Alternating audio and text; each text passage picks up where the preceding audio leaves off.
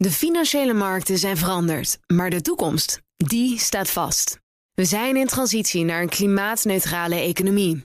Dit biedt een van de grootste investeringskansen van onze generatie. Een kans voor u om mee te groeien met de klimaatoplossingen van morgen. Meer weten? Ga naar carbonequity.com. Carbon Equity. Do good by investing better. Beleggerspanel.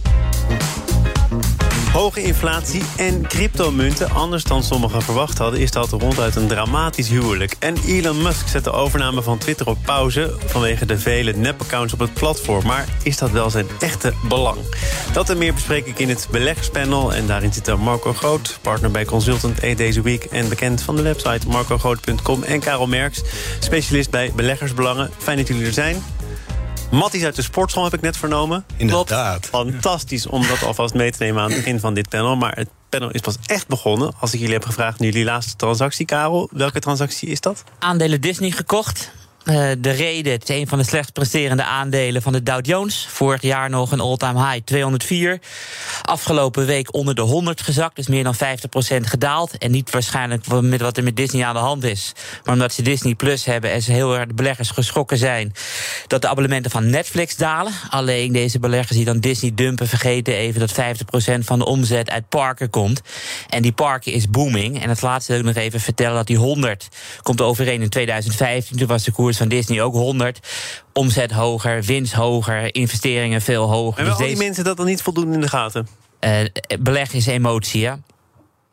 Nou, volgens mij wilde je het toch wel gaan hebben over die laatste transactie van Marco dan. Want beleggen is emotie. Ja, dan kom ik toch weer terecht, Marco, bij jouw website. Met de laatste column van jouw hand. Ik ben boos. Uitroepteken. En dat gaat ook over jouw laatste transactie, over het gebrek daaraan. Ik citeer even. Rationeel weet ik al weken wat ik moet doen. Verkopen, niet verkopen. Dat is mijn fuck you naar iedereen waar ik boos op ben. Op wie ben je boos? Ja, eigenlijk, eigenlijk is het zo dat ik vooral teleurgesteld ben in heel veel mensen en heel veel instituten.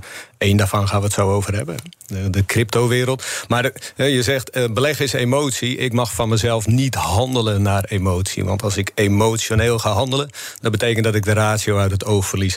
En wat mij frustreert is dat oorlog iets, iets heel onmenselijk en onlogisch. Um, en dat vind ik vervelend dat tast mijn vertrouwen aan. En vertrouwen is een van mijn grootste waarden, dus als menselijke waarde. En ik wil niet uh, dat ik toegeef uh, aan dat soort emoties. Dus ik heb besloten om niets te doen en vast te houden aan mijn waarden. Ja, maar wacht even, je zegt rationeel weet ik al wat ik moet doen. Dat is dan toch juist het moment dat je de emotie uitschakelt. Dus rationeel zou het beter zijn om te verkopen. En dus ik dat niet. Nee, dus ik precies, doe precies wat ik mezelf uh, verbied om te doen. En dat is waarom ik tikkie boos ben op mezelf. Eh, ik heb bijvoorbeeld in 2001 bij 9-11 belde een hedge fund mij op. Ik was toen uh, broker bij Credit Agricole. Uh, en die wilde heel veel aandelen KLM verkopen. rationeel was dat heel logisch, maar ik vond dat zo, zo naar dat ik de order geweigerd heb. soms moet ethiek belangrijker zijn dan. En want hoeveel mag het je kosten? Je schrijft zelf ook op in die column. Ja, ik weet dat dit mijn geld kost. Ik zou eigenlijk iets anders moeten doen. Ja, wie bewijs je hier nou eigenlijk een dienst mee? Mezelf in ieder geval niet, maar mijn ethiek wel. Of mijn portemonnee niet, maar mijn ethiek wel. En ik, ik heb mijn ethiek hoger in het vaandel staan dan mijn portemonnee. Karel, toch een reactie? Ja, ja, ik, mijn vorige transactie toen ik bij jou in de uitzending was heb ik aandelen Chevron gekocht. Nou ja, dit is natuurlijk alles behalve met ethiek te maken, omdat we van fossiele brandstoffen af moeten. Dus ik vind het ook belangrijk, maar ik denk misschien heel soms aan mijn portemonnee. Ja, het grootste deel van de aandelen die. vredig naast elkaar staan in de sportschool, maar hier scheiden zich toch de inzicht. maar ik ben heel bescheiden daar, want Karel is twee keer zo sterk als ik ben. Dus, uh... maar ik, ik, heb toch even eh, verder gelezen, want ja. uh, jouw woede komt wel ergens vandaan. Hè? Je constateert dat allerlei zaken eigenlijk niet kloppen. Ja. Uh, verderop schrijf je ook nog dat de elite halve waarheden vertelt. Ja, wie, wie zijn dat dan? Is dat de FED, de ECB, de NAVO? Hè? Want ja, kijk, wat mij vooral stoort in deze. En, we kunnen hier heel veel gesprekstijd aan wijden. als je het laatste rapport leest van de FVO, dan blijkt dat er 69 landen in de wereld, en misschien nog wel een paar meer, echt het echt, echt heel erg moeilijk hebben. Dus, neem een land als Egypte, 100 miljoen inwoners, een enorme schuld. Die moeten 40, 50 procent van hun BNP besteden aan het aflossen van hun schulden. Dus wat doet Amerika? Amerika verhoogt de rente. Hè, en die gaan waarschijnlijk binnenkort die importheffing uit China opheffen. Daardoor los je het inflatieprobleem op in Amerika. Want je importeert minder inflatie, ook omdat de dollar sterker wordt. Maar tegelijkertijd eh, duw je al die andere landen die en een voedseltekort en een energietekort heb, hebben en een, uh, een, uh, vooral een schuld in dollar, die druk je heel veel verder in de problemen. En die landen die hebben allemaal tussen de 15 en de 25 procent van hun nationale schuld uh, van, van hun GDP moet aan schulden uitgegeven worden. Wat kun je anders doen? Want tegelijkertijd is een centrale bank er ook voor om te kijken naar inflatiedoelstellingen, naar de arbeidsmarkt. Heeft er ook een Amerikaans belang te dienen. Er zijn ook mensen die zeggen, nou dat heeft nog heel lang geduurd ook. Misschien zelfs wel met als overweging dat de effecten ook voelbaar zijn in die kwetsbare landen. Ja, ik denk dat uh, ik dacht dat we in deze wereld van globalisering tot 2018, 2019 heel erg aan het integreren waren. Dat we allemaal geen wapens meer nodig hadden en geen ingewikkelde handelsverdragen. En ik denk dat ja, mijn, mijn woede is vooral de frustratie over het feit dat het allemaal teniet gedaan wordt nu. dat iedereen weer vooral aan zichzelf denkt en niet aan zijn buurman.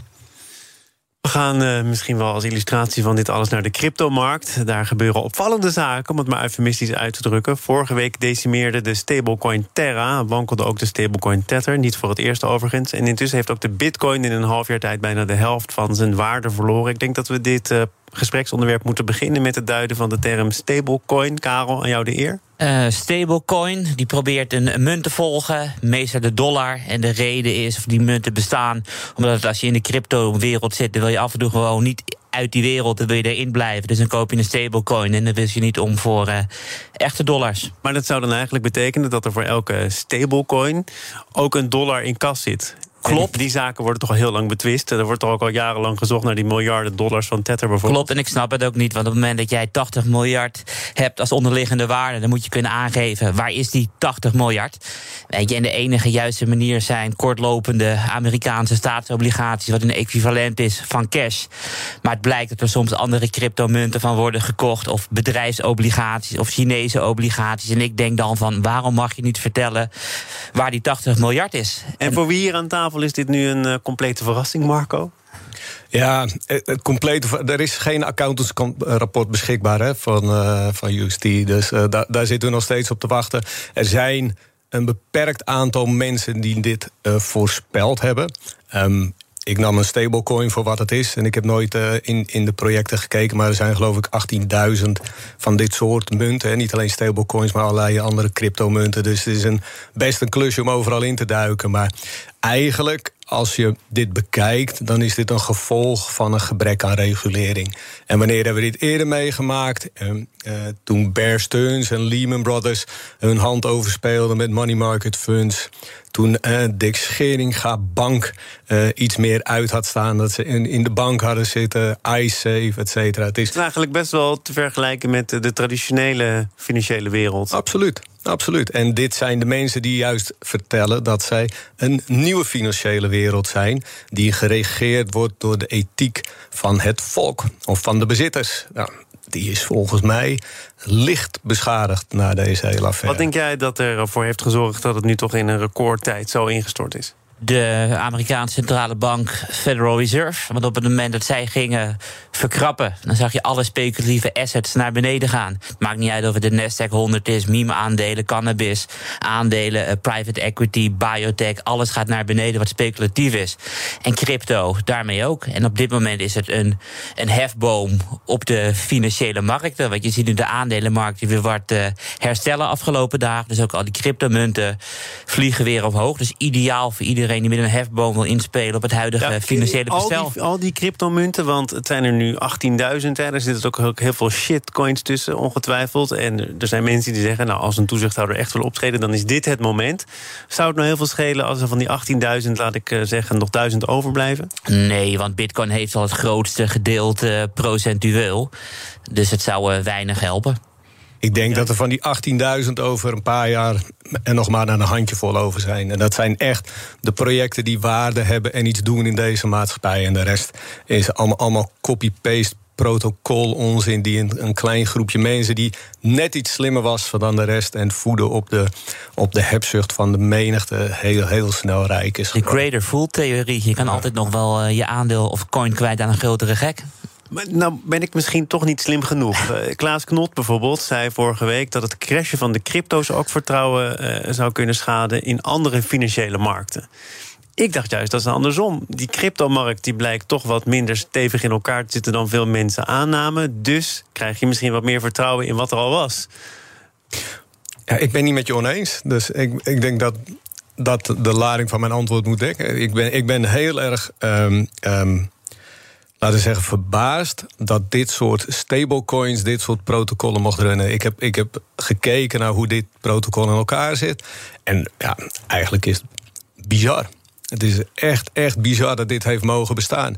Maar ja, weet je, het is een niet gereguleerde omgeving. En als je al die crypto-predikanten... en ik heb er best wat uh, geluisterd het afgelopen weekend... Um, als je die hoort praten, ik hoor niemand zeggen: dit klopt niet. Dit is uh, binnen de cryptowereld is dit echt een systeemissue. Net als in 2008 Lehman en Bear Stearns een systeemissue. Maar Marco, heb jij ook een idee hoe lang dit nog uh, door zal gaan? Want we zien nu afgelopen dagen aandelenmarkt omhoog, cryptomarkt omhoog. Oftewel, de correlatie is heel erg hoog met het financiële systeem. Dus iedereen denkt er nog precies hetzelfde over. Het is niet einde oefening. Ja, dus terug naar wat ik net zei. Hè. Ik, ik nodig je uit, of ik nodig jullie uit om een keer op YouTube, en weet ik veel waar je al die, al die crypto-predikanten kan vinden en hun te beluisteren. Zij zijn niet kritisch op het systeemissue wat hier onderliggend aan is. Helemaal niet. En dat verbaast mij. Zelfs een Bert Slachter, wat, wat, ik echt een mooie baas vind... en waar ik iedere zaterdag als ik een uurtje ga hardlopen... met, met veel plezier naar luister... hij was niet kritisch op dit systeem. Ja, maar ik ben heel nieuwsgierig hoe lang het gaat duren. Want nu alles weer omhoog gaat, worden mensen weer blij. Dan komt er weer FOMO, worden er weer nieuwe munten gekocht... en dan blijft het weer doorgaan. Dus ik ben heel nieuwsgierig hoe lang het piramidespel zal doorgaan. Want het is een piramidespel, ook in jouw woorden. Uh, 99% van de munten uh, wel. Ja, en het belangrijk om toe te het zijn de munten, hè, want de onderliggende techniek, uh, machine learning in combinatie nee, met, met blockchain, uh, fantastisch. is fantastisch. Dus, maar dat wordt misbruikt door een, door een groepje mensen. We gaan naar een ander spel, het spel rond Twitter. BNR Nieuwsradio. Zaken doen. Thomas van Zeil. De gast is het beleggerspanel bestaande uit Marco Groot en Karel Merks. Elon Musk en zijn pogingen om Twitter over te nemen. Hoofdstuk zoveel. Vrijdag maakte hij bekend de deal voorlopig te pauzeren. Daarna beschuldigde Twitter Musk van het feit dat hij de geheimhoudingsplicht heeft geschonden. En gisteren liet hij doorschemeren dat hij nog altijd geïnteresseerd is in een overname, maar dan wel tegen een andere, lees lagere prijs. En zelf zegt Musk, ja, die nep-accounts percentage van die nepaccounts, dat zit mij in de weg. Zou dat, laten we van het goede in de mens uitgaan, hè? ethiek is belangrijk, Marco, de echte reden kunnen zijn? Ik denk dat het enige wat echt, echt heel belangrijk is, wat je hier zegt, is een lagere prijs. En de rest, alles wat daaromheen gezegd wordt, is om die lagere prijs te accommoderen. Net zoals bij Axel mensen in de stress schieten omdat ze een hogere prijs willen van KKR en Tesla. Dus het is altijd eh, talking your own wallet. En ik denk dat Musk dat ook doet op het ogenblik. Het mag, het mag, niemand verbazen. Ik bedoel, hij zei ook dat hij een paar jaar geleden 420 dollar per aandeel Tesla van de beurs ging halen. En uiteindelijk bleek het toch ietsje anders te zijn. Dus het verbaast me niet. Het is wel weer um, opvallend, want de aandelenkoers van Twitter is inmiddels alweer terug van 55 naar 35. Dus ja, er zit een te groot gat tussen. Er zit een heel groot gat tussen. Hij kan nu ook gewoon die aandelen op de beurs kopen en een lagere overnameprijs hebben. Dus het is, maar ik vraag me af of het juridisch allemaal mag wat hij doet. Nou, Want officieel bod is een officieel bod natuurlijk. Ja, hij heeft sowieso nog een juridische kwestie, volgens mij, over de bekendmaking van zijn belang in Twitter. Die 9% had hij eerder moeten melden. Maar jij vraagt je überhaupt af of je kunt zeggen... ja, ik was eerst bereid A te betalen, maar nu doe ik het alleen voor B. Nou ja, als je een officieel bod uitbrengt, dan moet je dat uh, ook doen. Maar ik denk dat hij geschrokken is... Uh, van de banken. Want hij heeft natuurlijk uh, geen geld, maar wel heel veel aandelen Tesla. Dus die brengt hij ook als onderpand in. Maar ja, dan heb je natuurlijk wel het risico van een margin call. Op het moment dat aandelen Tesla dalen, dan moet die aandelen Tesla nog een keertje extra verkopen om die banken tevreden te stellen. En misschien krijgt hij geen goed genoeg goede deal. Ja, nou, we hadden het al over een piramidespel. En misschien voert het iets te ver om te zeggen: dit is ook een piramidespel. Maar je hebt dus Tesla nodig om Twitter te kunnen kopen. Die aandelen die dalen allebei. Hij heeft volgens mij nog andere uh, bedrijven waar hij toch ook uh, verantwoordelijkheid voor draagt. Hè? SpaceX. Mhm. Is het toch ook allemaal zelfs voor een briljante gek als Elon Musk iets te riskant geworden? Zou kunnen. Ik denk, ik denk dat geld een ondergeschikte rol speelt uh, bij meneer Musk in deze. Ik bedoel, uh, even toevoegen dat wat jullie net zeiden. Als hij eruit stapt, moet hij een miljard boete betalen. Het is een van de weinige mensen op aarde die het heel veel pijn leidt als je een miljard boete. 0,3 procent van zijn vermogen. Precies. Dus het, het, doet hem niet heel veel pijn als, als dat zou gebeuren. Ik denk dat hij vooral uh, uh, voor ogen had dat hij een platform kon creëren waar vrij op gesproken wordt. En ik denk dat hij aan de ene kant, nu die wat dieper ingedoken is, misschien ziet dat er ook heel veel onzin op dat platform verteld wordt. En dat er heel veel. Komt hij nu achter? Ja, heel veel nep-accounts op dat platform bestaan. Oh, toch, dat is toch van een naïviteit die geen grenzen kent. Absoluut. Elon Musk is toch al wat langer actief op Twitter. En die weet toch ook wel dat hij niet altijd met mensen van vlees en bloed in gesprek is? Nee, dat denk ik ook. Eh, volgens andere, andere kennis- uh, of onderzoeksbureaus is 10 tot 15 procent van accounts nep. Het zou me niks verbazen. Of dat zijn, en er zitten nog eens heel veel mensen bij die ooit een Twitter-accountje hebben aangemaakt en er niks mee hebben gedaan. Dus de discussie is nu om de, um, hoe heet het, de, um, hoe heet het ook weer, de, de, de, klanten die betalen, de daily average users en de monetized daily average users. Ik moest even spieken om die term weer te vinden. Dus hoeveel betalende klanten heb je en hoeveel bagage, of uh, hoe zeggen, ja, mensen heb je op, op, op, uh, op de achterkant van je fiets zitten. En ik denk dat er meer mensen op de achterkant van de fiets zitten en dat het daardoor een minder rendabele investering wordt. Ja. Karel, het wordt er Marco al terecht aangehaald. Die miljard boete, die break-up fee, dat, ja. Dat doet hem niks. Daar leidt hij geen pijn uh, onder. Maar wat betekent dit nou eigenlijk voor zaken doen? Hè? Dus je zegt dat je iets wil kopen, je betaalt dan een boete en dan probeer je het over een maand of twee tegen de prijs die je acceptabel acht gewoon opnieuw? Nou ja, Musk is de enige die dat kan maken. Ik bedoel, hij is ook diegene die plaatjes van hondjes twittert... om een niet zeggende cryptomunt aan de maan te jagen. Dus ja, ik bedoel, als Musk het als enige doet... dan weet je dat het Musk is. Het wordt pas een, een probleem op het moment dat andere mensen hem gaan kopiëren. En het blijft nog steeds eh, van alle bedrijven in de S&P 500 een vreemde bijt als CEO. Maar je kunt hem pas kopiëren met dezelfde portemonnee. En daarmee zijn we dus ook toegekomen aan het feit... dat het een beperkt probleem is, macro gezien. Het is alleen het probleem van, van Musk. En zolang het niet gekopieerd wordt, is het misschien... Ja, ik, ik vind het vermakelijk. Komt er uiteindelijk uh, een deal, denk jij? Ja, wij stonden hier volgens mij een maand geleden en toen werd dit bot gelanceerd. En toen vroeg je aan mij aan het einde van de uitzending: wat denk je wat hij ermee moet? Toen was, nee, toen, sorry, was voor het bot, was bij die 9 of 10 procent die hij had gekocht. En dus ja, ik heb echt geen idee. En vervolgens een paar dagen later, later lag dat bot hier. ik, ik, ik, stel jou geen vragen. Ja, dus weet het niet. Ik, ik, ik, moet eigenlijk mijn, mijn even naïeve antwoord herhalen. En ik zeg, ik heb geen idee. Het enige wat ik weet is, precies zoals Karel zegt... ik vind, ik vind het fantastisch om deze kerel te, te volgen. Ik bedoel, als er iemand is die de wereld op een positieve manier probeert te veranderen... dan, eh, dan is het Musk wel. Dank dat jullie eh, de luisteraar hebben willen vermaken tijdens dit beleggerspanel. Marco Groot van Eat Deze Week en bekend van de website marcogroot.com. Karel Merks was er gelukkig ook, beleggingsspecialist bij Beleggersbelangen. Dank voor jullie komst. Zometeen dan hoor je alles over Oppo. Dat is een Chinees telefoonmerk dat de concurrentie met Apple, Samsung en Huawei aan wil gaan. Onder andere door uh, de uh, shirtsponsoring van uh, voetbalclubs. Maar dit beleggerspanel, dat mocht er zeker zijn. Beleggerspanel wordt mede mogelijk gemaakt door Annexum. De aanbieder van vastgoedfondsen voor particulieren.